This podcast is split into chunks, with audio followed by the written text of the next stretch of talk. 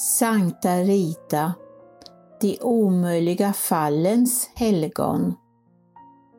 Kapitel 5 Bortom gränsen för det omöjliga. Rita misströstade inte. Hon fortsatte att be till Gud och hjälpa sina medmänniskor. När hon hade kommit över sin besvikelse återgick hon till att le och hoppas mot all förmodan. För att vara beredd när Gud kallade på henne sålde hon sina ägodelar, lite i taget, och behöll för sig själv endast en plats att sova på och det som krävdes för de allra nödvändigaste behoven. Pengarna skulle gå till klostret när hon trädde in där. Klostret, som hela tiden visade bort henne, behövde gåvor för att klara sig ekonomiskt. Rita förtjänade alltjämt till namnet Kvinnan utan hembegär. Klostret Sankta Maria Magdalena behövde också kallelser, tänkte Rita. Om det var Guds vilja så skulle hon bli nunna i det klostret, trots abbedissan, nunnorna och hela människosläktet. Hon behövde bara bida sin tid. Det var inte hon som bestämde, utan Gud. En kväll i hemmet var Rita djupt försjunken i bön. Vintern var redan långt framskriden. En skarp nordanvind blåste i de avlövade träden och tjöt i skorstenen. Plötsligt hördes en röst utifrån. Rita! Rita! Rita, Rita vaknade till ur sin bön, rusade till fönstret och tittade ut på vägen. Det var ingen där. Bara olivträdet i grannens trädgård som rörde sig i blåsten. Hon trodde att hon hade hört en människa ropa på henne, men antagligen inbillade hon sig. Men några minuter senare, då hon var försjunken i bön igen, hörde hon rösten på nytt, men betydligt klarare den här gången. Rita! Rita! Hon var säker på att någon behövde hennes hjälp och det genast. Antagligen var det en grannkvinna som råkat illa ut och så som Rita inte hade kunnat urskilja bland skuggorna när hon tittade ut första gången. Hon öppnade dörren. Utanför stod en man i egendomliga kläder. Han var klädd i djurhudar, hade långt hår och en läderrem knuten runt midjan. Det var precis så som Johannes döparen framställdes i konsten. Han var ett av de helgon som Rita anropade mest. Den mystiske besökaren gjorde ett tecken åt Rita att följa med. Omtumlad tog hon på sig kappan och följde förtröstansfullt med honom. Trotsande vädrets makter lämnade de byn och de, de sovande invånare bakom sig. De hade kommit fram till klippan i Roccaporena, en skräckinjagande plats i den mörka natten. De kunde knappt se den gråa klippan som reste sig upp mot den upprörda himlen. Rita hade aldrig tidigare varit där efter mörkrets inbrott. Rita stannade till. Framför henne öppnades i marken och blottade en skrämmande avgrund. Skräckslagen anbefallde hon sig åt Gud. Hon gjorde rätt i att be Gud om hjälp.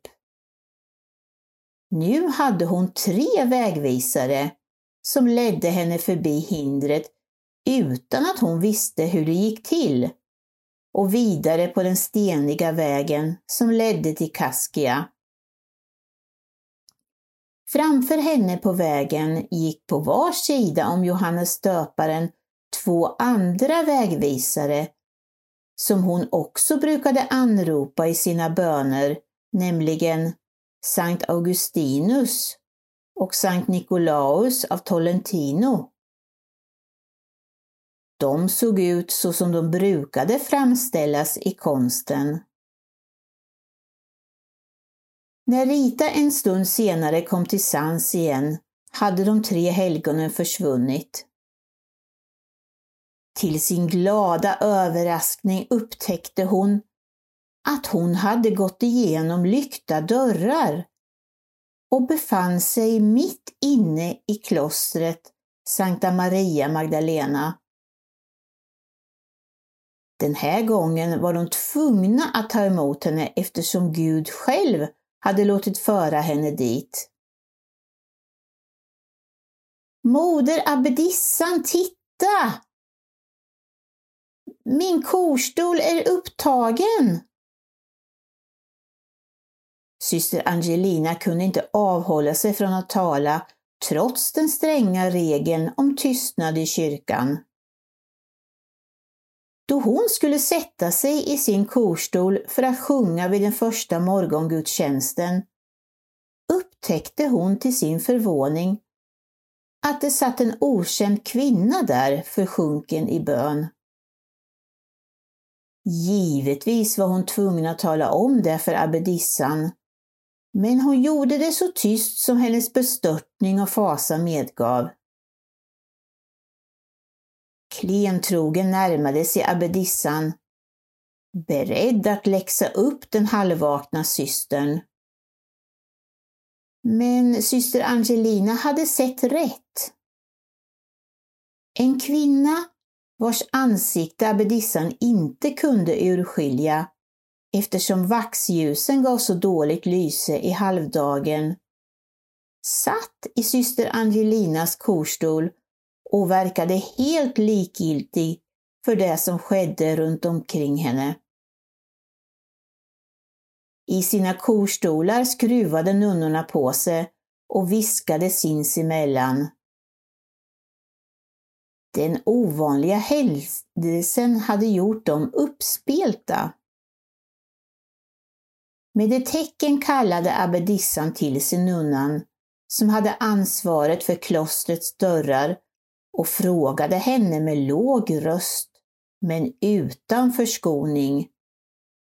Syster Carola, är du helt säker på att du låste alla dörrar ordentligt igår kväll? Hon var helt övertygad. Ja, visst, moder abbedissan, precis som vanligt. Du kan vara säker på att jag kommer att se efter. Den barska stämman avhöll syster Carola ifrån att svara.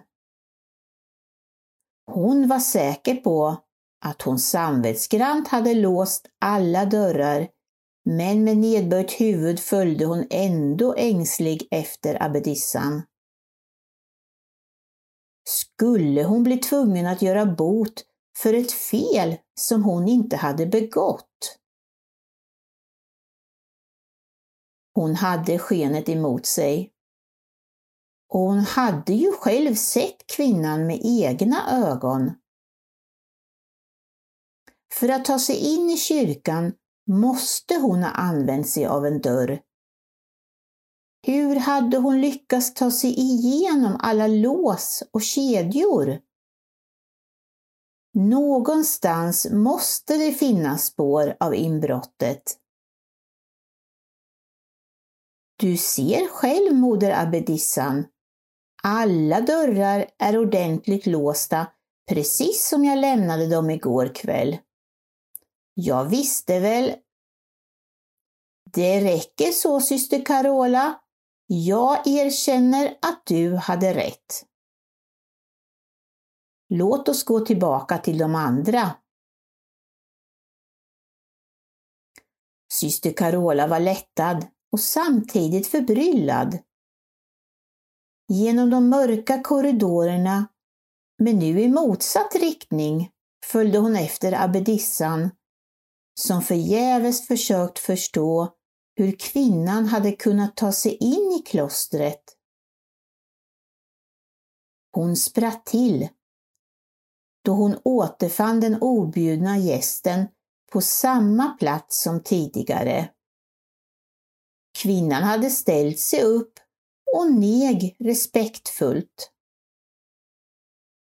Givetvis var det Rita, den envetna änkan som abbedissan redan hade avvisat tre gånger och som nu gjorde ett nytt försök genom att bryta sig in i klostret. Hon hade kommit in på ett sätt som trotsade allt mänskligt förnuft och befann sig där hon absolut inte hade någon rätt att vara.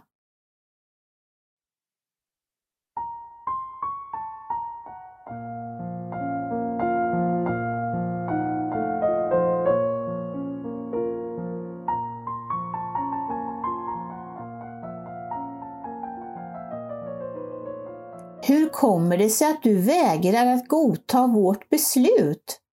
frågade abbedissan med bitande stämma. Hon såg så rasande ut och hennes tonfall var så skarpt att hon injagade rädsla. Men Rita blev inte rädd utan svarade lugnt och sakligt. Gud ville ha det så, vördade moder. Det där inbillar du dig. Men tala om för mig vem som har låst upp dörren så att du kunde ta dig in i klostret. Johannes döparen, Sankt Nikolaus av Tolentino och Sankt Augustinus vördade moder. Abbedissan för augustinernunnorna i klostret Sankta Maria Magdalena trodde givetvis att underverk kunde inträffa. Men på det sättet? Hon visste å andra sidan att Rita hade en stark vilja, att hon verkligen ville bli nunna och att hon varken var fräck eller lögnaktig. Något lugnare till sinnes krävde abbedissan en mer utförlig beskrivning av händelsen. Hon ledde systrarna till ett angränsande rum där Rita blev ombedd att berätta alla detaljer i äventyret, vilket hon gjorde på ett enkelt och övertygande sätt. I trons ljus är allt möjligt. Vad säger ni systrar? frågade abbedissan när Rita hade berättat färdigt. Tror ni liksom jag att det handlar om ett underverk? Alla huvuden nickade jakande. Rita stod fortfarande kvar i mitten av gruppen, så som en anklagad som väntar på sin dom. Hon visste att hon hade vunnit slaget, eller snarare att Gud hade vunnit det åt henne. Vi ska väl inte motsätta oss Guds vilja, avkunnade abbedissan högtidligt. Rita, du är antagen som novis och ditt namn är hädanefter syster Rita. Och nu systrar går vi tillbaka till kyrkan. Laudamus Dominum. Nunnorna stämde in i lovsången. Sedan fortsatte gudstjänsten som vanligt, bara något försenad. Vilket berodde på den ovanliga händelsen. Längst bak i raden av noviser sjöng den sistkomna med glädje. För första gången på många år upplevde Rita att hon verkligen var där Gud ville att hon skulle vara. Men skulle hennes liv för den sakens skull bli fridfullt och lyckligt? Syster Ritas klosterliv skulle varken bli fridfullt eller lyckligt, vilket hon för den delen inte önskade sig. Sedan hon var barn hade hon velat förena sig med Kristus i hans lidande så innerligt som det var möjligt. I den andan hade hon kristet tagit på sig de lidanden som hon hade stött på i världen. Hon ville bli nunna för att komma närmare Jesus, inte för att undfly problemen i världen. Även om de var unga hade alla noviser svårt att anpassa sig i början.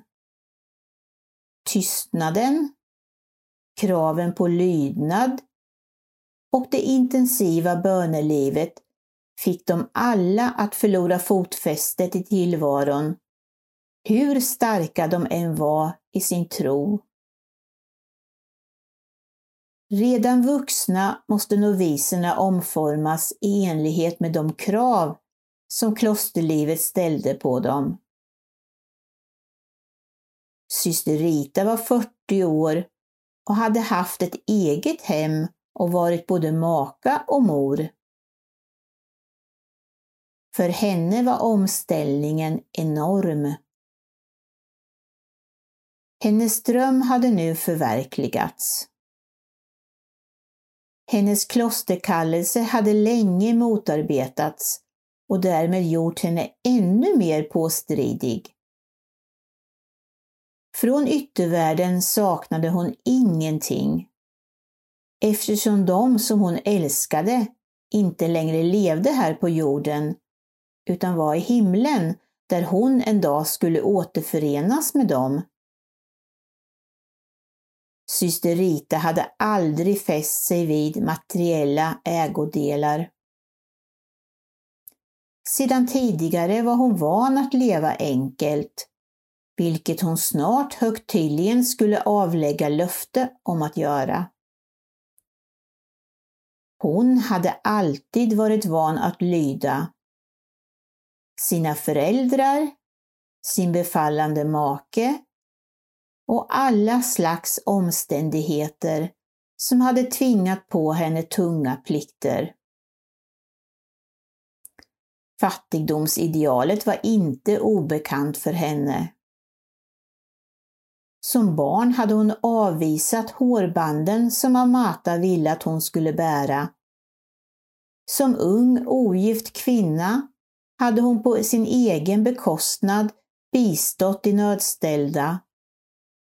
Och som Paulus änka hade hon späkt sig i hemlighet. Syster Rita hade alltid varit kysk. Som gift hade hon älskat Gud mer än Paolo och som änka hade hon mer än villigt avstått ifrån att gifta om sig. Hon älskade fortfarande Paolo, men andligen. Hennes ålder utgjorde däremot ett problem. I umgänget med de betydligt yngre noviserna kände sig syster Rita gammal. Somliga tog tillfället i akt och påpekade åldersskillnaden för henne. Ibland fick hon för sig att hon borde ge sig iväg och att hon hade misstagit sig då hon så hett önskat att bli novis. Hon var säker på att helgonen som lett henne till klostret Sankta Maria Magdalena inte hade misstagit sig på vägen. Hon gjorde rätt i att försöka ta sig igenom den första tiden. Syster Rita tog gärna på sig de tyngsta sysslorna i klostret för att lindra livet för de svaga och sjuka nunnorna.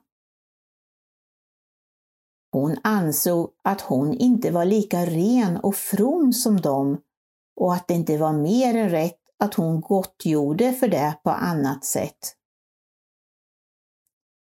Djävulen iakttog henne.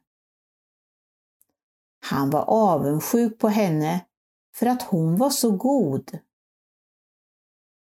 Hon hade befriat mänskliga själar ur hans djävulska grepp, vilket hon skulle fortsätta med om han inte var på sin vakt. Djävulen frestade henne med perioder av modlöshet, högmod och orena tankar. Frestelser som hon inte hade någon erfarenhet av innan hon blev nunna. Övertygad om att Gud hade kallat henne till klosterlivet och att han beskyddade henne motstod syster Rita frestelserna höjde sig över dem och såg på dem med förakt. Tålamod, uthållighet och späkningar som tröttade ut både kropp och själ samt en gränslös tro var hennes vapen i kampen mot djävulen. Också abbedissan var mycket sträng gentemot syster Rita. Syster Ritas mirakulösa sätt att ta sig in i klostret för att bli nunna hade gjort starkt intryck på abbedissan. Hon visste att syster Rita hade en järnhård vilja som hon gjorde allt för att böja till gagn för hennes andliga utveckling. Men ibland var hon onödigt sträng mot syster Rita. Syster Rita?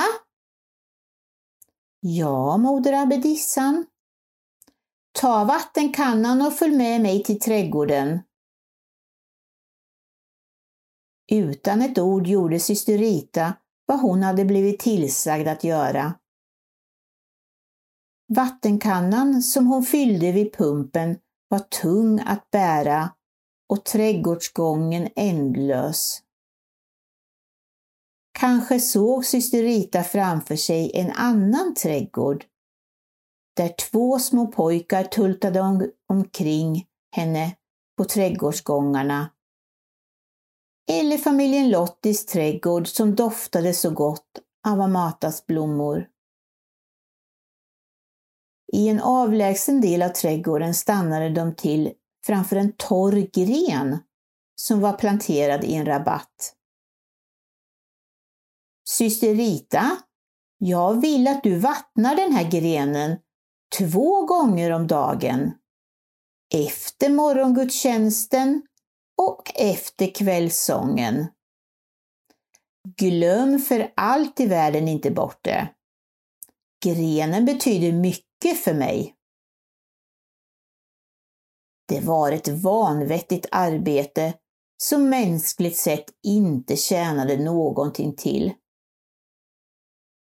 Grenen som uppenbarligen inte hade några rötter kvar skulle långsamt murkna bort av allt vatten. Men syster Rita ifrågasatte inte abbedissans order utan lydde underdånigt. Om abbedissan ville att hon skulle utföra arbetet, vilket mänskligt sett var liktydigt med bortkastad tid, så berodde det på att hon ville att syster Rita skulle tjäna på det andligt sätt. Det lönlösa arbetet skulle lära syster Rita både tålamod och självbehärskning. Själv var syster Rita säker på att den torra grenen aldrig skulle ta sig.